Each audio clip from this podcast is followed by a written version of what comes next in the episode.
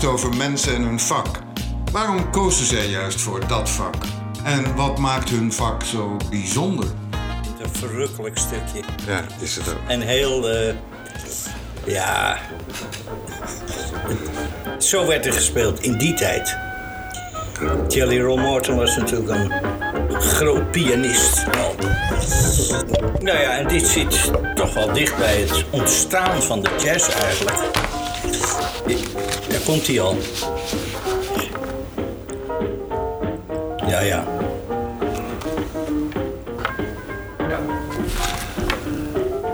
Welkom bij editie 56 van Vakwerk. Een nieuwe naam en een nieuwe gast, Erik Nap. Welkom Erik. Dankjewel, Flip. Erik is muziekpromotor en daar doen we eigenlijk eh, hem tekort mee, want hij is zelf muzikus. Hij is organisator van concerten en hij is een van de weinige witte mensen in het vak met verstand van zwarte muziek.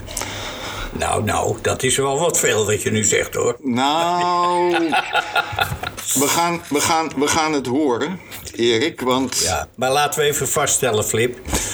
Een kleur is niet belangrijk, hè, in de jazz. Nee, wit of zwart. Eh, het is hetzelfde als, eh, je bedraaide net Jelly Roll Norton in 1926. Nou, toen hadden we, toen, dan zitten we daar al een jaar over de eerste opname door een blank jazzorkest. Nick LaRocca. Hè, die, en de Red Hot Peppers, oh dat is het Morton natuurlijk. De original Dixieland Jazz Band. En daar zegt men van, nou, dat was de eerste opname van een wit orkest. In een zwarte tijd. Dus, zo, ja, dat, dus dat zegt niks. Maar die zwarte jongens die hebben in de loop van, nou, die periode waar we het zo'n beetje over gaan hebben, de periode 1930 tot en met 1970, hebben, hebben het toch niet altijd makkelijk gehad in, in die business. Eh, door de kleur. Door hun kleur. Ja, heel sterk, maar niet onderling, hè? Nee, nee, nee. Nee, want, want eh, er waren al heel snel in die New Orleans tijd. Hè, want ik, ik heb hier ook de West End Blues staan met, met Armstrong. Die, nou, dat komt ook nog. Maar dat was toch in de tijd dat. eh, ja, dat, dat, dat blanken dat natuurlijk ook al mooi gingen vinden. En die bemoeiden zich al heel snel met de black music. Die jazz toch was. Hè? Het is toch de muziek van de Afro-Amerikaan. De West End Blues, laten we daar even een stukje van horen. Ja, ik hoorde hem al op de achtergrond. Ja, hier dat bluesy sfeertje. Wauw. Anno 1928.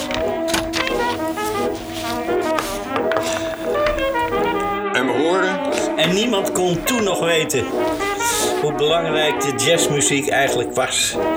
En hoe lang die bleef. De belangrijkheid ook, hè? Ja.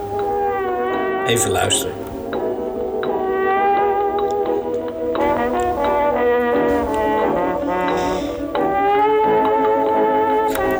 Een van de eerste bezettingen van een toen nog heel jonge Louis Armstrong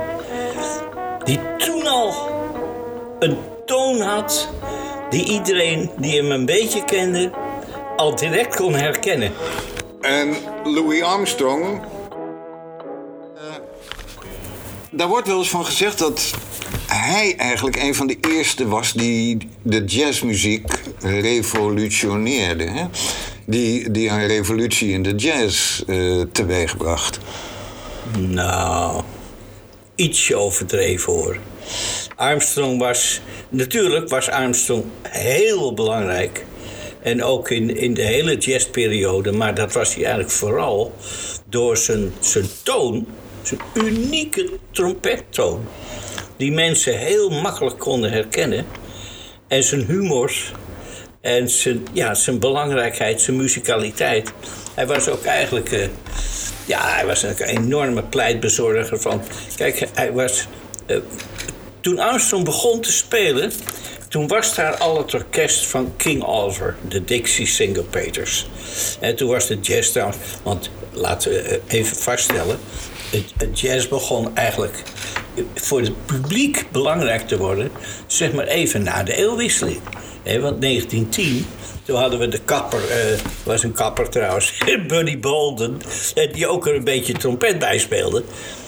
Buddy Bolden was toen heel belangrijk, want die startte, ook zo'n orkest. En, en daarna kwam Armstrong natuurlijk pas, die toen als heel jong trompetistje bij King Oliver de grote Joe Oliver mocht spelen. En al heel snel, vanwege zijn enorme muzikaliteit, zelf een orkest begon. En vandaar ook dat we de Louis Armstrong Hot 5 kennen. En Hot 7, nou dat hoorde je net, die Hot 5. Daar zat eh, zijn latere vrouw Lil Harden in op piano. Johnny Dodds klarinet. Johnny Sincere banjo. Nou goed, oké. Dat, dat, dat, kreeg, dat kreeg al een enorme bekendheid. eh, door de platen ook. En dus het is meer Armstrongs. eh, het zijn andere zaken eigenlijk meer. waar Armstrong bekend mee werd. Ja, ja. Eh, eh, dus eh, wat je zegt, ja, je, je, dat is allemaal. Het is half waar. Het heeft wel een achtergrond, maar niet alles. Ja, je hebt, al een, je hebt al een tipje van de sluier gelicht. We komen straks wel- wellicht nog eventjes op Armstrong terug. Ja, ik, wil, ik, wil, ik wil naar Erik Nap. Want uit het voorgaande blijkt al dat je bij wijze van spreken... de bezettingen van alle jazzbands die ertoe doen uit je hoofd kent. Hoe kwam Erik Nap in contact met de jazz? Ja, Als, als jongen van, wat was het, 14? ja. Het is een. Het is een makkelijke vraag en een moeilijke vraag. Uiteraard. Tegelijk. Ja. ja. Want je denkt er zelf eigenlijk nooit over na. nee, op de middelbare school Ja. was er in een klas hoger. Daar zat een, eh, een jongen die heette Wim Kaagman. Ja. En Wim Kaagman, daar had ik wel eens gesprekken mee. En die zei op een gegeven moment tegen mij: Ik speel piano. Nou, dat was toch behoorlijk buitenissig in die tijd. En wil je dat een keer horen? Ik zei, ja, dat wil ik wel horen. Want die had dan in de gaten dat ik van, gek was van allerlei muziek. Dus ik ging een keer met hem mee. En thuis in de K van Veerstraat zette hij zich aan de piano. Had een stuk bladmuziek voor zich, waarvan ik dacht, nou nou, dat is een krentenbrood. Dat wil je niet, dat wil je niet weten. En die speelde de. eh, hoe heette dat ding nou? Nou ben ik even de titel kwijt van het stuk wat hij speelde. Komen we straks weer op. Ja, en dat was door. een stuk Dixieland, een, stuk, een, een rack, zoals dat heette. Ja? Een rack was een bepaald type eh, ding. En eh, daar was ik zo van onder de indruk van dat stukje. Met al die syncopen erin. Daar werd je gewoon als... Als je echt een jazzliefhebber bent, eh, iedere syncoop die je hoort, de swing, daar word je gewoon nerveus van. Daar ga je van zitten shaken. Dat laat je nooit meer los. Nou, dat was een moment dat ik wel eens dacht... nou, dat is mijn injectie voor de rest van mijn leven. Oké. Die Wim Kaagman even op de piano. Dankzij Wim Kaagman. En een staande uitdrukking, je noemde het net al, iets in de jazz was in die tijd zeker syncopated. Ja, Ja. dat is een, het, de, eh, de accenten van een bepaald maatdeel. En we, we gaan daar maar niet technisch over worden. We worden niet maar, altijd maar het, technisch. is, maar het is wel het verschil tussen een, wat je hoort... en dan ga ik het even heel vereenvoudigen. Mm. Een, een stukje, eh, ritmisch stukje dansmuziek... door een dansorkest. Mm. Want in die tijd, die had je genoeg. Maar je had ook een jazzorkest, zoals Count Basie of zo. En dan lag dat, dat lag dan net even anders. Want dan ging het niet, dan was het niet alleen ritmisch. Je kon het eh, meetellen, 1, 2, 3, 4. Hè? Maar dan ging het swingen. Ging het verschrikkelijk swingen. Ja, dat noemen we dan die spanning. Wat men zegt tussen melodie en rhythm. Dat heet swing. En als je een echte liefhebber van jazz bent, dan heb je dat in je hele lijf. Dat kan niet anders. En dat heet, dat noemen we, dan hebben we het over syncopen. En ik denk dat dat stukje piano wat ik hoorde, daar zaten syncopen in. En dat in alle. Het jazz is gesyncopeerde muziek. Laat het zo zeggen. Dan hebben we alles gezegd. Ik denk dat ik, nou was ik 12, 13 jaar, ja, toen begon dat. 14 denk ik, ja, 54 zo. Ja, dat was eigenlijk de tijd dat ik voor het eerst op de Nederlandse radio op de Avro dan het, de Dutch Swing College Band hoorde. Hier in een, een uh, blanke verbastering van de zwarte orkesten waar we er net een paar van gehoord hebben. Dus eigenlijk, men noemde dat al gauw revival jazz. Nou, die, die Swing College, die had in no time een ongelofelijke populariteit bij de jazzliefhebbers. Toen nog, het orkest toen nog onder uh, Peter Schilper zijn naam. En uh, ja, jij zei nog van, je vertelde van bij je opa en oma. Ja, nou, dat was inderdaad zo. Als ik, ik kon wel eens gebeuren dat ik nog heel, uh, heel jong, 13, 14 was ik bij oma in Heilo kwam. En dat was dan toevallig zaterdagmiddag. Maar dan wist ik feilloos dat om, denk twee uur of half drie was het, dat de AVRO begon met uh, de, de Swing College uitzending. Daar zat een uitzending voor, ik weet het nog, en dat heette even afrekenen, heren. Dus dat ging over, ja, dat ging over een, een onderwerp en daar werd over gediscussieerd. En direct daarna dan... Uh, schakelde men over. En dan kwam die, dat, dat Way Down Yonder in New Orleans, de herkenningsmelodie van de Swing College, die het nog, nu nog is, 75 jaar na datum. Dat begint met zo'n trombone. Die moet, die moet naar boven. Willem Koolstee deed dat toen. Nou, je werd al nerveus als je die eerste noot hoorde. Dan, dat was magisch. Maar ik heb daarvoor nooit enig idee gehad wat die Dixieland muziek wat dat was. Wel hoorde ik al boogie woogie op piano. Een, een onderdeel van jazz. Je kunt zeggen, het hoort erbij. Net zo goed als blues. Rob Hoeken komt dan uh, naar boven in Nederland als... Uh... Ja, later. Nou, dat kun je wel zeggen. Ja, want in die tijd was het Jimmy Yancey en Pete Johnson. En dat waren allemaal die jongens die, die konden geweldig boogie woogie spelen. Want de jazz is uiteindelijk ontstaan in de kroegen. Want het was kroegenmuziek. He? De mensen, het was entertainment. Dus het begon met een piano en een man op gitaar die de blues zong. En, en, dus dat, zo ging die jazz, die, die werd anders en die werd de jazz ging naar de riverboats. Ja, ik, ik dwaal nou helemaal af. Nee hoor, nee, ga door. Je mag gerust wel even nee zeggen als je... We komen, we komen bij New Orleans uh, dan toch weer terecht, hè? Want, waar Jerry Roll Morton... Uh... Ja, want Jerry Roll Morton was bijvoorbeeld al een orkest... net als de Armstrong-bezettingen daarna... die toen al uh, net als Fate Marable, ook een grote naam toen. Dat waren orkesten die dachten: hé, hey, daar zit business in die raderboten. Die van New Orleans richting Chicago voeren. Daar moet muziek, entertainment zijn aan boord. En de Mardi Gras uh, Precies, feesten. Ook dat, ook dat. Die iedereen uh, natuurlijk en dan, ongetwijfeld kent. Uh. En dan kom ik even terug op wat ik eerder zei over die kleuren.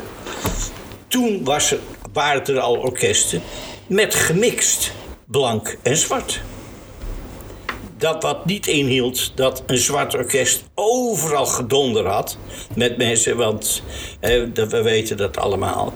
Dat je als je zwart bent in Amerika, dan is het even iets anders aan de hand. Ook als je beroemde muzikant bent.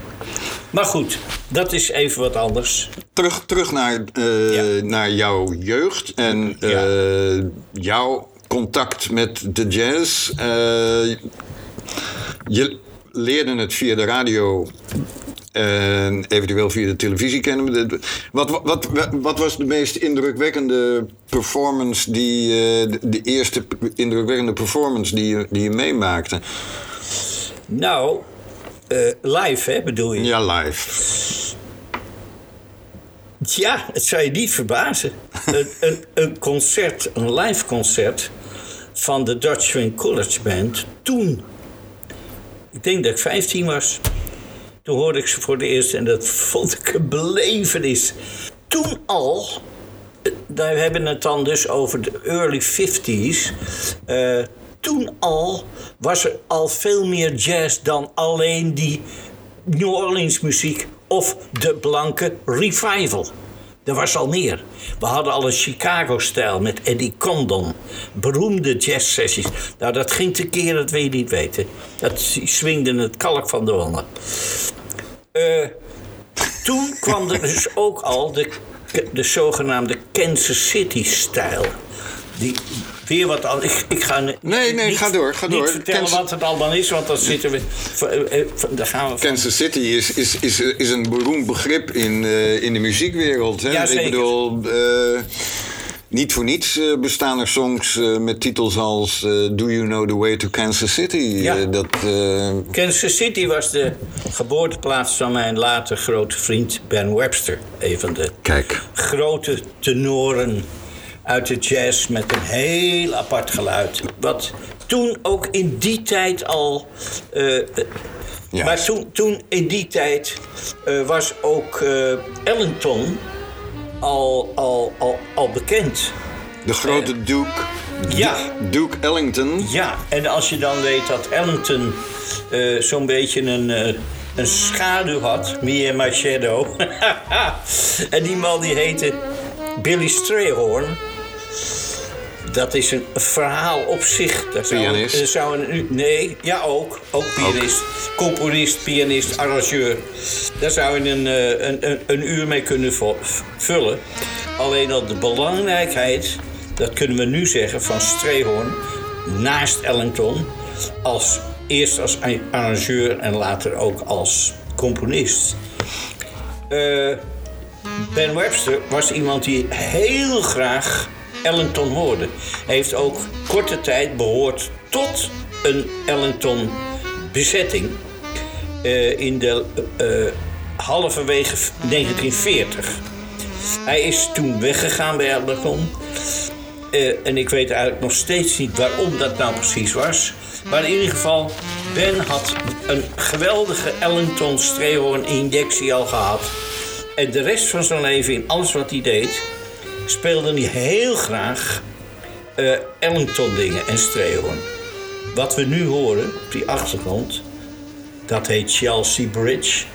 En is een ontzettend mooie eh, compositie, vind ik, van Strayhorn. En dit heeft plaatsgevonden in 1954. Goed, dat even over Ellington en de vooruitgang en de verandering die pijlsnel ging in de jazzmuziek. Want er waren later een grote namen die toen al furoren maakten. Dus als je mij nou vraagt, ja, wat kwam er nou later? Zie, nou, ik heb natuurlijk heb ik eh, veel New Orleans muziek en Dixieland muziek geluisterd in die tijd. Hoorde je bij je leeftijd ook. Maar er werden andere stijlen in jazz ook hoorbaar. En ik was eigenlijk van alles was ik hartstikke gek. Want die, de, de swing hadden we toen eigenlijk al net gehad. Wat is het, 30 en 40? Ja, want vergis je niet, de, de grote clarinetist Benny Goodman, ik kan rustig zeggen de grootste die de jazz heeft voortgebracht, die eh, deed in 39, ja, dat is ook zoiets hè, dat moet je toch even.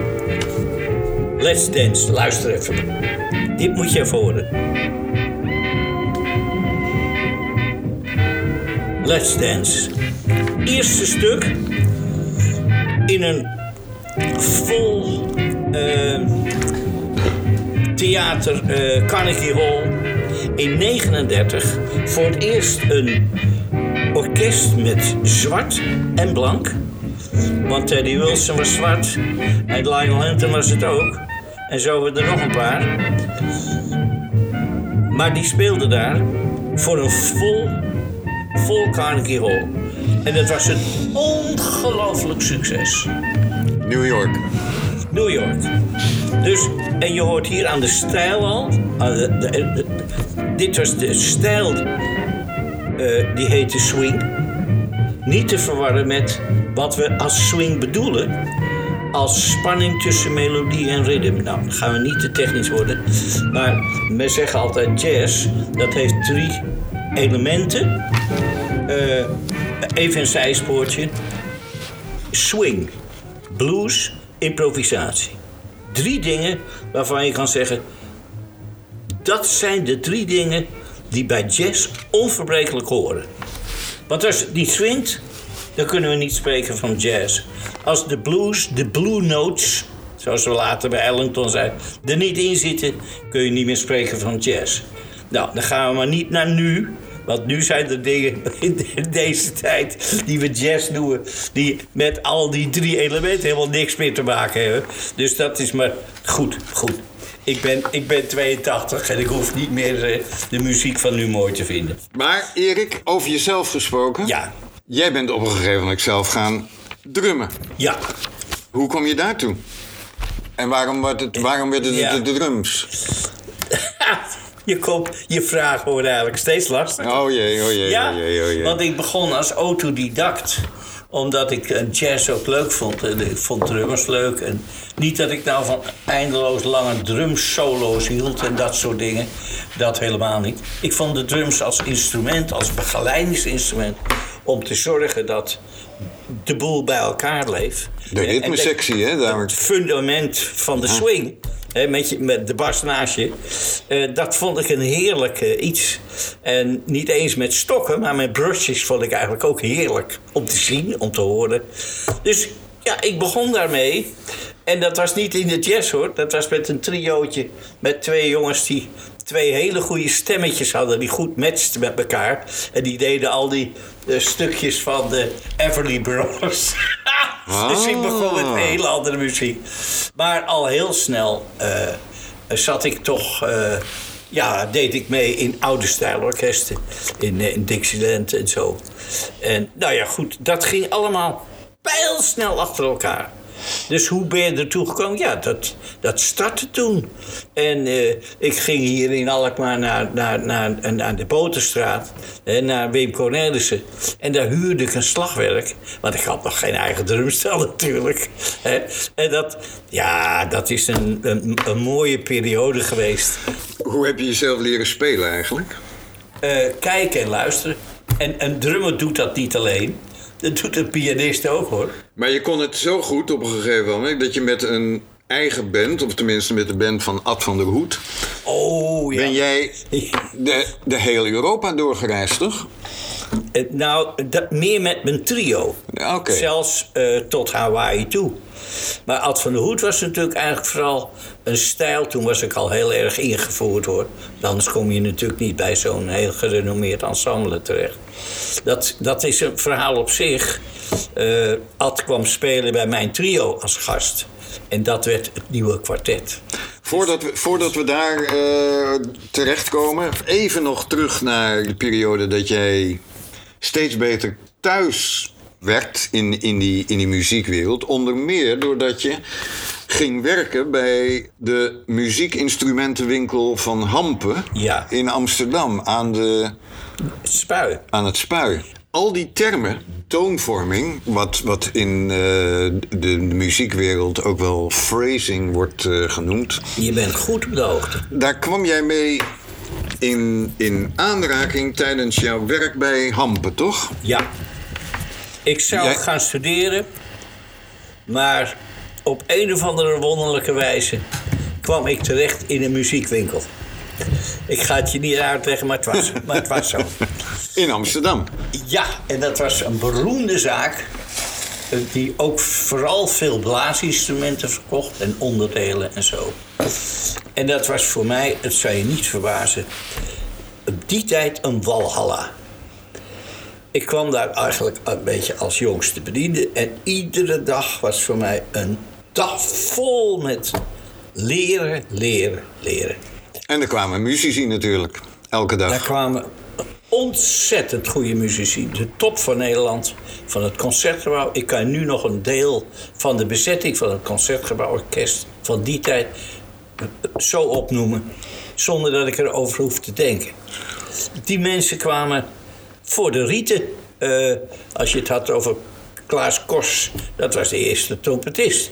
Adriaan Woudenberg, hoornist. Eh, Hubert Baarwasser, fluitist. Nou, eh, ze kunnen wel doorgaan. En jij wist precies wat ze nodig hadden? Nou, d- toen nog niet. Nee, ik, wist maar een- ik, toch. ik weet nog heel goed dat het dat, dat, was een slecht moment. Dat eh, iemand zei: eh, Doe jij eventjes die horen in de, in de koffer? Maar ik had nog nooit gezien hoe je een waldhoorn in een koffer doet. nou ja, ja, we lachen er ook om. Ik ook. Maar zo moet je alles leren. Alles. En er komt heel veel kijken bij dit vak. Dus niet alleen de rieten bij de rietinstrumenten als klarinetten en saxen en noem maar op. Maar ook het koper is weer heel anders. Heeft weer andere eh, eh, mondstukken. Is, je leert alles. Bij Hampen leerde ik eigenlijk alles. Hoe het in elkaar stak. En je leerde waarom bepaalde muzici een eigen toon ontwikkelden. Nou ja, ja en nee.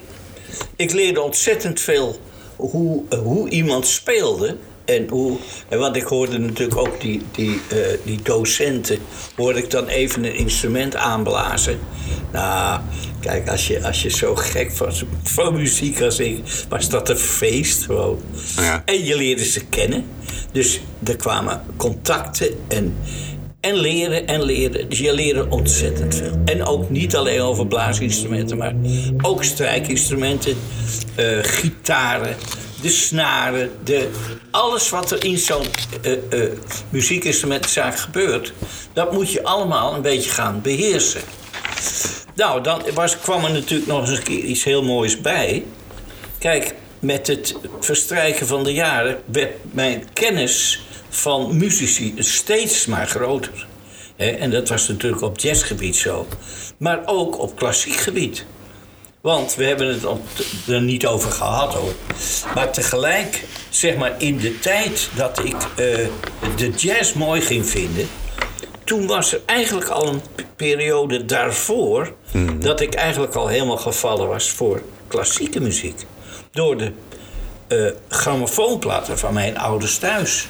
Dus ik, ik wist al wie Clara Haskell was en Kathleen Ferrier en eh, eh, ja, noem, noem ze allemaal op, Dino Lipatti. Dus Chopin en Beethoven en Mozart, daar was ik al lang voor gevallen. Daar werd het zaadje gelegd voor de concertenreeks die jij nu, nu, anno 2022, eh, ruim 50 jaar later, Ja. organiseert in Heilo, in de Cultuurkoepel, Ja. onder de titel Classic Meets Jazz. Nou, dat komt, ja, dat is nou leuk dat je dat zegt. Maar dat komt eigenlijk door een, eh, een, een ook weer zo'n incident. Het is eigenlijk merkwaardig, hè? Dat leven bestaat uit hele kleine incidentjes. Waarvan je zegt, nou ja, stelt het iets voor? Ja, voor mij op muziekgebied wel.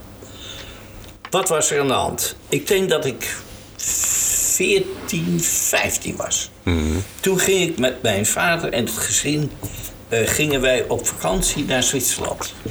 We logeerden in Zuid-Duitsland eh, in eh, het Schwarzwald. We komen er s'avonds binnen. We hadden gegeten. Een zwart-wit tv ging aan. En geloof het of niet, een directe muziekuitzending van een concert in New York in het gigantische Lewisham Stadium. En daar was een hele jonge Bernstein. George, ah, oké, George Bernstein. Bernstein en de New York Philharmonic zaten daar klaar om te beginnen. En in het midden van de, dat, dat stadion een draaiend podium met daarop Louis Armstrong en de All Stars. Wat dacht je ervan? Satchmo. Setchma. Het ging om het eerste grapje, eerste stuntje van Bernstein. Die zich later ontwikkelde als een geniale muzikant. Die ook, eh, eh, net zoals ik eigenlijk, van alle walletjes had. Alles mooi vond. En die ha- had daar een arrangement gemaakt van de beroemde St. Louis Blues. W.C. Handy was de componist. Eh 83 was hij toen blind en zat op de voorste rij daar in dat stadion. Ik heb die uitzending waar dus twee orkesten van een zeer verschillende signatuur, klassiek orkest, 75 man, en zes uh, jazzmuzici samen die St. Louis Blues gingen spelen.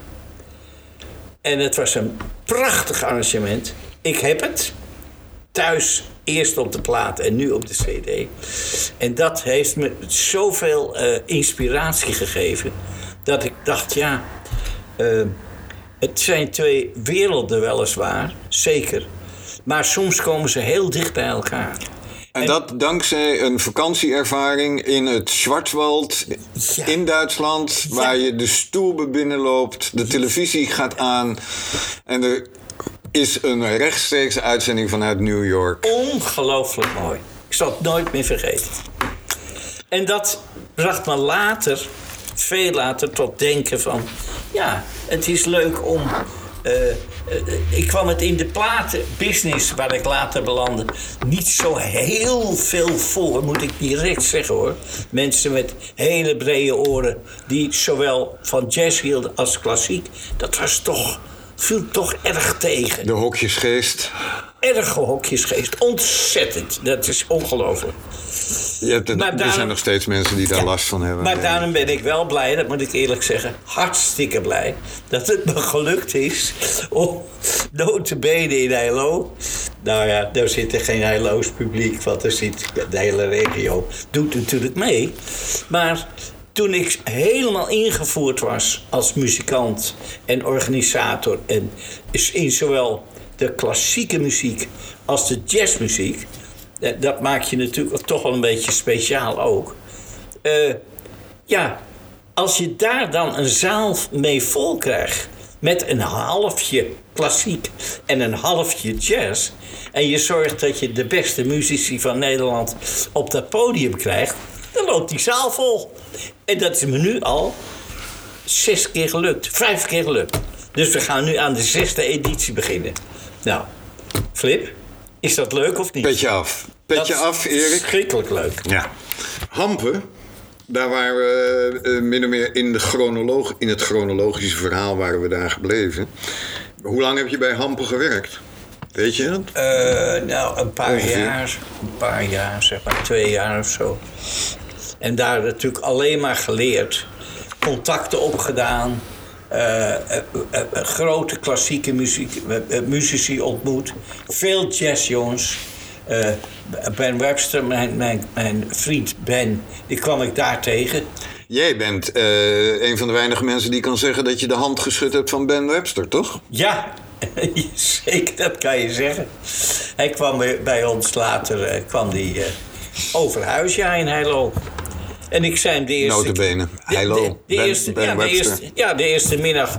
Uh, toen, we waren zo in gesprek. Ik zei, ja, we kunnen nu niet... Ik moet ook naar huis. Ik moet mijn trein halen. Want ik... Ik zei, wil je soms uh, mee eten met ons? Ja, dat vond Ben best. Dus die ging mee naar huis. en zo ontstond dat contact. En later... Uh, nou, ik noem een paar hele grote namen. Clark Terry, Don Bias, Lucky Thompson... Allemaal mensen die ik daar ontmoette. Eh, om dan maar te zwijgen van de hele Hollandse scene die daar kwam. En die contacten, die, eh, je bent zo slim geweest, of het is min of meer natuurlijk gegaan waarschijnlijk, om al die contacten te onderhouden. Ja, ook dat, ja, zeker wel. Ja. ja. En nog steeds, eh, want... Niemand kan zeggen dat hij met Clark Terry, uh, een van de allergrootste trompetisten... en zeker ook in de Ellington Band en later uh, solo... Uh, een, een, een, zakje patat heb gegeten in Castricum op een gegeven moment. Zaten we in een snackbar samen. Ja, nou, ben je te gekker. Maar goed, jij wilt natuurlijk ook verder... want anders komen we nooit klaar met dit programma. Nou, dit, de, de, de, de dat was een hele conservatieve zaak hoor. Die betaalde ook niet zo best. En in die tijd, ja, moest de boel toch draaien, het gezin ook. Dus wat gebeurt er? Ik heb de, uh, toen de muziekinstrumentenbusiness uh, vaarwel gezegd. En ik ben heel dichtbij, een heel klein sprongetje ben ik gaan maken. Het spui over aan de andere kant, even verder. En daar zat de, een hele mooie winkel en die heette die Electric Gramophone. En daar was de eigenaar Jaap van Praag, voorzitter van Ajax. een rood-wit.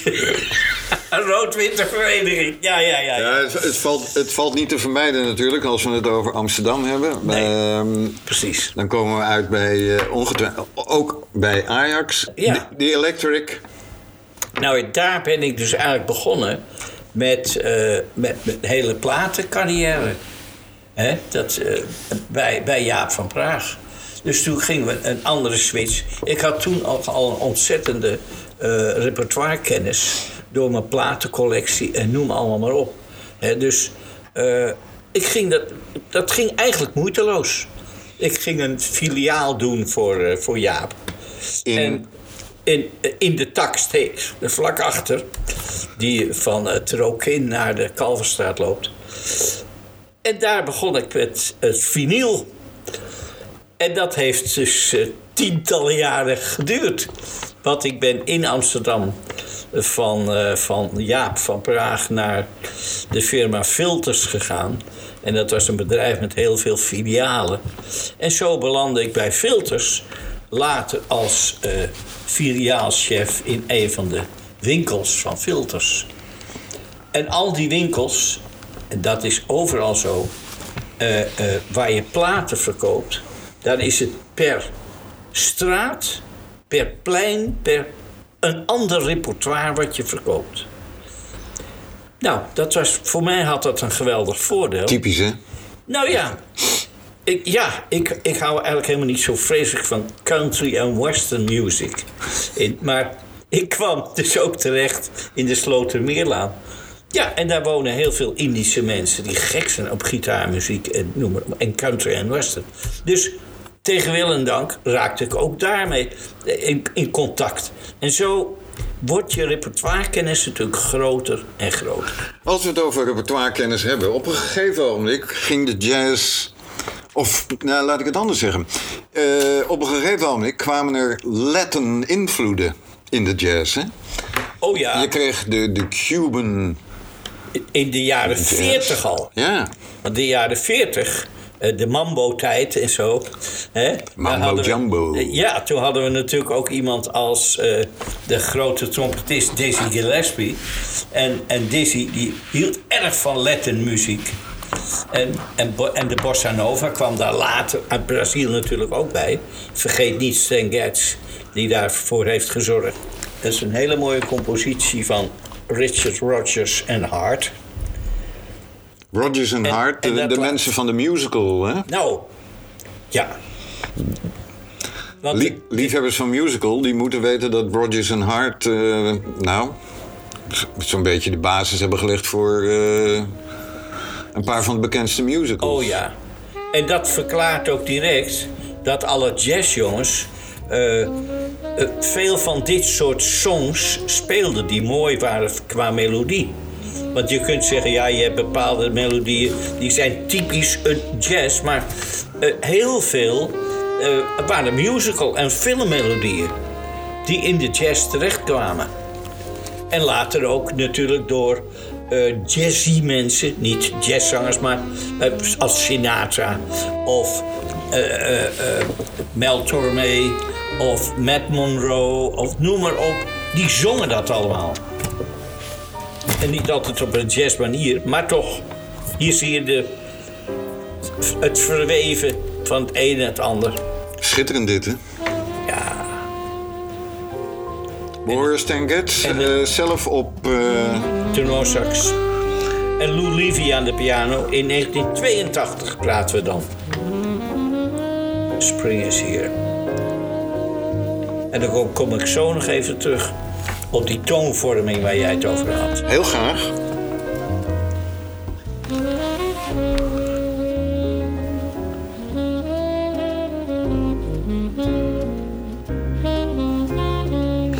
Hier kan je een eh, genoeglijke avond eh, Ja, en- en nacht mee doorbrengen met Ja. eh, deze muziek. dat kun je zeker zeggen. We we luisterden naar de compositie Spring is here. Spring is Here.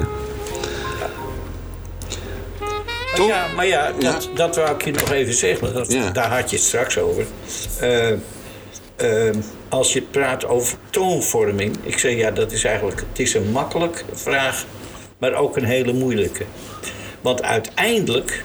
Je kunt natuurlijk wel eh, een aantal dingen zeggen over een muzikus. Hoe die speelt. eh, als pianist of als blazer of als eh, drummer of bassist, hoe dan ook. Maar het is eigenlijk onmogelijk te zeggen hoe je nou een toon op een gegeven moment bereikt. Hè? We kunnen alleen zeggen, nou, de bekende grote muzikanten, Hawkins als tenor, Webster, eh, Lester Young, eh, noem ze allemaal op, en Stan Getz, die ook natuurlijk. Over toonvorming gesproken, Lester Jong. eh, nou, als je, als je die hoort, dan. eh, Ja, en dat is zo'n een van de pioniers hè, in de lyrische jazz. Lyrisch, een dichter. Een, een, een dichter. Ja, en dat is dan een liedje en dat heet Prisoner of Love.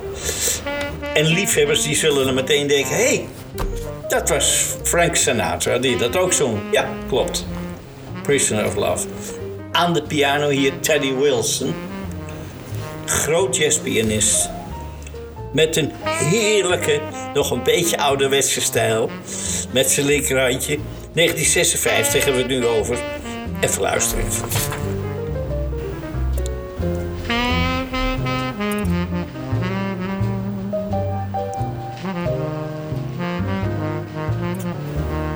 Als je dan toch bedenkt hoeveel mensen, liefhebbers, dan meteen zullen denken als ze dit horen. Oh, dat is Lester. Hoe krijg je dat voor elkaar? hoe krijg je dat voor elkaar? Ja, ja. En dat is natuurlijk met al die muzikanten zo, dat je zegt, ja. Hoe krijg je dat voor elkaar? Want waarom zijn er niet veel meer mensen die dat even imiteren? Als het zo eenvoudig was. Nee, dat is het dus niet. Nee, hè? Nee. Nee, maar het is wel heel opvallend natuurlijk dat de, de grote muzikanten. En dat begon, daar hadden we het straks over, met die, die grappige Armstrong, daar begon het al mee. Met die typische trompetsound die je zijn hele leven zo herkende. Ja, en wat ik net zei dus over Teddy Wilson, met die ontzettende leuke pianostijl waar je altijd blij van wordt. Eh, eh, ja, is dat natuurlijk eh, eigenlijk in toonvorming. ja, eigenlijk is er niet zoveel verschil. Want een blazer, die een clarinetist, die hoor je aan zijn toon natuurlijk. Of kla- klassiek of jazz of wat ook. Hoor je direct wie het is. Hè, als het een beroemde man is. Dat hoor. Maar een pianist ontwikkelt ook een eigen stijl van spelen. En zo hebben we natuurlijk in de jazz heel veel, ja, een beetje anti-mensen gehad, zoals Thelonious Monk zo. Die, hè, maar, maar ook de mensen die heel geliefd waren, ook als, als Errol Garner, met zijn eigen stijl met de linkerhand en dat swingde ontzettend. En de grote pianisten, kan ik zeggen, nu nog, eh, zijn toch Oscar Peterson geweest. Hè, de Canadian-born eh, zwarte man, geweldig. En, en eh, Bill Evans. Ik heb hier een Ellington stukje, Band Call... van het Oscar Peterson trio in 62... met Ed Tickpen en Ray Brown. En dat is denk ik misschien wel het beste trio geweest... dat er ooit heeft rondgelopen. Zo. Die, Ja. En, die- nu, en nu nog hoor. die uitspraak staat, jongens. Oscar Peterson, Komt-ie. piano. Band Call, een stukje van Ellington.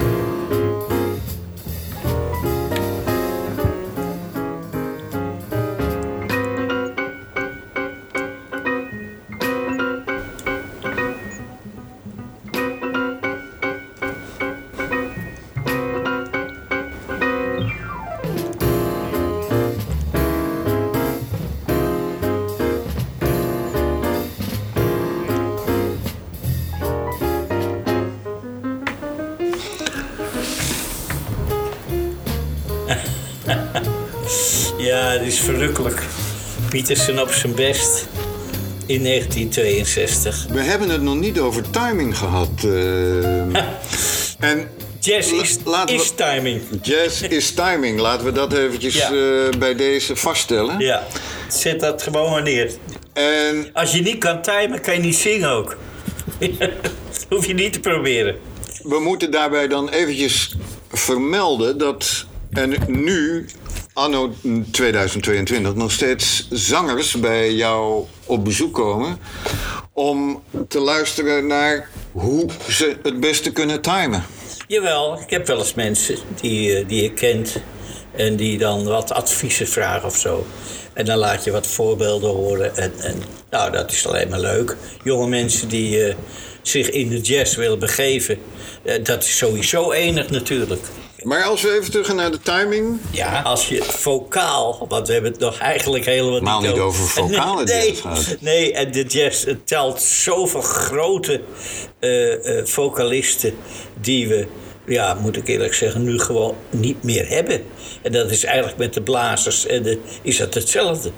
De, het lijkt wel een beetje uit te sterven. Hoewel, één eh, één ding wat je in de gaten moet. Er wordt geweldig gespeeld vandaag de dag. En dat is ook op klassiek gebied. Waarvan akte? Heel veel. Het, het, het technisch aspect, het, de, de, de harmonische bagage die jonge mensen nu hebben, is, is onvoorstelbaar. Maar dat betekent niet dat ze mooier spelen. Dat, is- dat, is een, dat is een ander verhaal. Ja, dus- maar over die, over die timing en eh vocalen, Ja, dan nou, komen we ongetwijfeld bij de, de, de, de grande dame van eh, de vocale jazz. Ella Fitzgerald. Aha. Direct daarna ook Sarah Vaughan, maar even, even Ella. We hebben een heel mooi stukje van Johnny Mercer. Dat is ook zo'n zo'n man met een gouden handje die alleen maar mooie dingen schreef. En dat heet Early Autumn. Nou, zoals even naar, even naar Ella luisteren in 64. Heel toepasselijk. Toen was het Early autumn.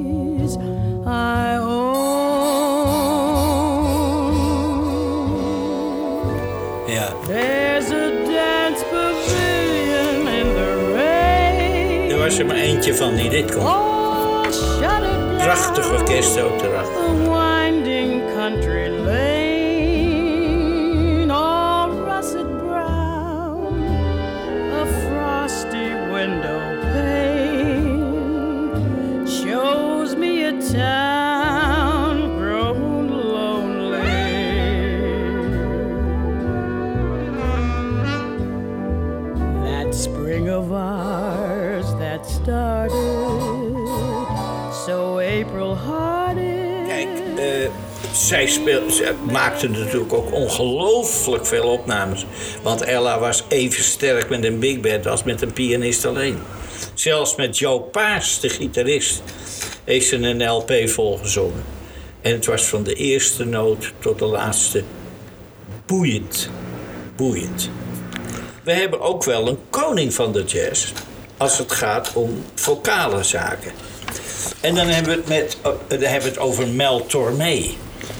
En Mel Tormé was die, de Velvet Voice, noemden ze. Begon met een, eh, eigen eh, v- vocalgroep, de Meltones, helemaal in het begin. Net later ging hij solo en echt een jazzzanger. Dus een verschil met Sinatra of met Bennett of wie. eh, een, echt een jazzzanger.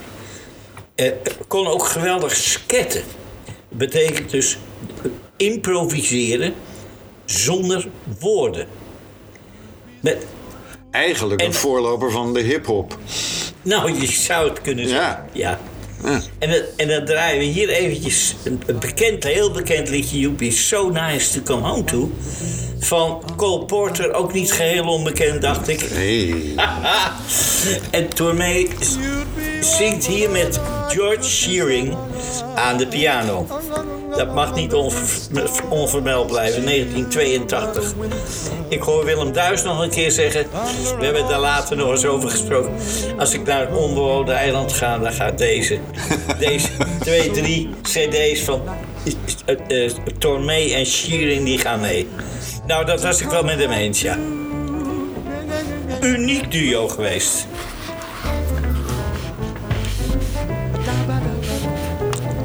Een stukje Bach. Dan krijgen we nog weer.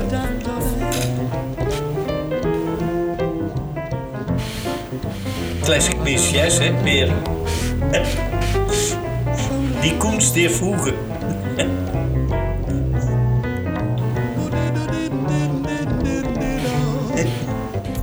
Bach goes to town, Goodman. En ja, het, een, een, een contemporaine naam eh, in dat verband is natuurlijk ook Gregory Porter. Hè? ja, zeker. Die, die qua stijl eh, toch een beetje eh, Mel Tormé... Heeft er iets van. Ja, Ja. Ja. Gelukkig, hij imiteert hem niet. nee. En dat moet je ook nooit doen Nee. met hele grote mensen. Want eh, dan ga je op een gegeven moment glij je een keer uit. Maar grappig dat, eh, dat we dan via Mel Tormé eh, bij Gregory Porter eh, een, een link vinden. Toen jullie zelf op een gegeven moment gingen spelen met, met, met, met je band, Ja. Erik, hoe, hoe kozen jullie dan het repertoire? Nou, kijk, wij, wij zeiden dan, nou, we doen standards gewoon. En standards, ja, kijk, als je een jazzboek met standards, ik zei straks al, eh, dat zijn veelal eh die liedjes die de mensen kennen, die door, eh, door Sinatra bijvoorbeeld worden gezongen, hè, die bekend zijn. En ook Becky Lee en, en, en, en noem allemaal alle grote zangeressen, Barbara Streisand. Veelal uit films of musicals. En die werden in de jazz ontzettend veel gebruikt. Nou, als je dan praat, wat is zijn dan de jazz? Nou, als je zo'n eh, dik boek neemt, en dat begint alfabetisch. En daar vind je dus al die bekende songs vind je daarin. En die speelt men. En zo zit dat. En dat, en dat je kunt dat natuurlijk op een niet-jazz manier doen. En je kan het op een wel jazz manier doen. En heel veel grote zangers, die, eh, die nou net als Tormé, kijk, Tormé is een echte jazzzanger. Ja, die heeft zijn vak daarvan gemaakt. En als je Sinatra moet noemen, of Nat King Cole, overigens ook een fantastische pianist natuurlijk. En die eh, zingen jazzy. Je kunt zeggen, het is, het is heel op een jazz manier. Dat is ook zo. En ja, nou noem ik net King Cole nog even. Die moet je eigenlijk, daar moet je misschien wel mee beginnen. Want ook dat, ja, ze heeft ook natuurlijk een geweldige vocale carrière gehad. En ontzettend veel. En als je dan weet hoe dat begonnen is. Peterson speelde toen ook al. En die hoorde Nat King Cole een keertje zingen met zijn trio. Had een trio zonder drummer. Met Oscar Moore gitaar en Billy Bauer. Dus met bas en gitaar en piano. En toen zong hij daar stukjes bij. En toen zei Peterson tegen hem... Hé, hey, waarom, waarom zing jij niet veel vaker? Dat means money, jongen. Ja. En die opmerking, die heeft hij ter harte genomen. En hij is eigenlijk steeds meer gaan zingen. Hij kon ook geweldig zingen natuurlijk, dat weten we nu. En daar is hij eigenlijk zo belangrijk mee geworden als eh, Sinatra, als zanger en showman was. Dus eh, mijn idee is dat er bijna geen grotere man in de, eh, in de entertainment jazz is geweest dan, dan, dan Nat King Cole. Ja, zeker. Als, als we zo'n beetje gaan afronden, Erik. Het lijkt ons leuk en wellicht de luisteraars ook, maar dat moet blijken uit de reacties. Om een eh, aantal afleveringen te wijden aan eh, de geschiedenis van de jazz door Erik Nap verteld. En dat we dan eh, wat stromingen doornemen. Zouden we kunnen doen. Zeker. En vooral de dingen natuurlijk die je totaal niet meer hoort. Want het is natuurlijk, ah, kijk, dat veranderen van. We hebben nu natuurlijk wat eh, middle of the road jazz gedraaid. Hè, allemaal heel toegankelijke muziek. In, in dit verband moeten we, moeten we eh, natuurlijk vermelden eh, dat mensen even de agenda van de cultuurkoepel in Heilo aan de ga- in de gaten moeten houden voor eh, de volgende edities Ja. van Classic Meet Jazz. Op zondagmiddag. Wat ook goed is om te weten, is dat in het AI Filmmuseum vanaf 9 september tot en met 2 oktober expositie wordt gehouden onder de titel All That Jazz, waarin onder meer de documentaire film van, van Johan van der Keuken over Ben Webster is te zien. Die is leuk. Big Ben heet de, Ja. de documentaire. Ja. Ehm, nogmaals, All That Jazz van 9 september tot en met 2 oktober in AI Film Museum. En dus de agenda van de cultuurkoepel in Heilo in de gaten houden. Erik Nap, hartelijk dank voor je aanwezigheid in vakwerk. Heel graag gedaan. En we zien je graag terug met een serie over de jazz en de hoogtepunten. Dankjewel. Volgens mij ben je enthousiast geworden. Absoluut. Leuk. Nou, tot gauw dan. Yes.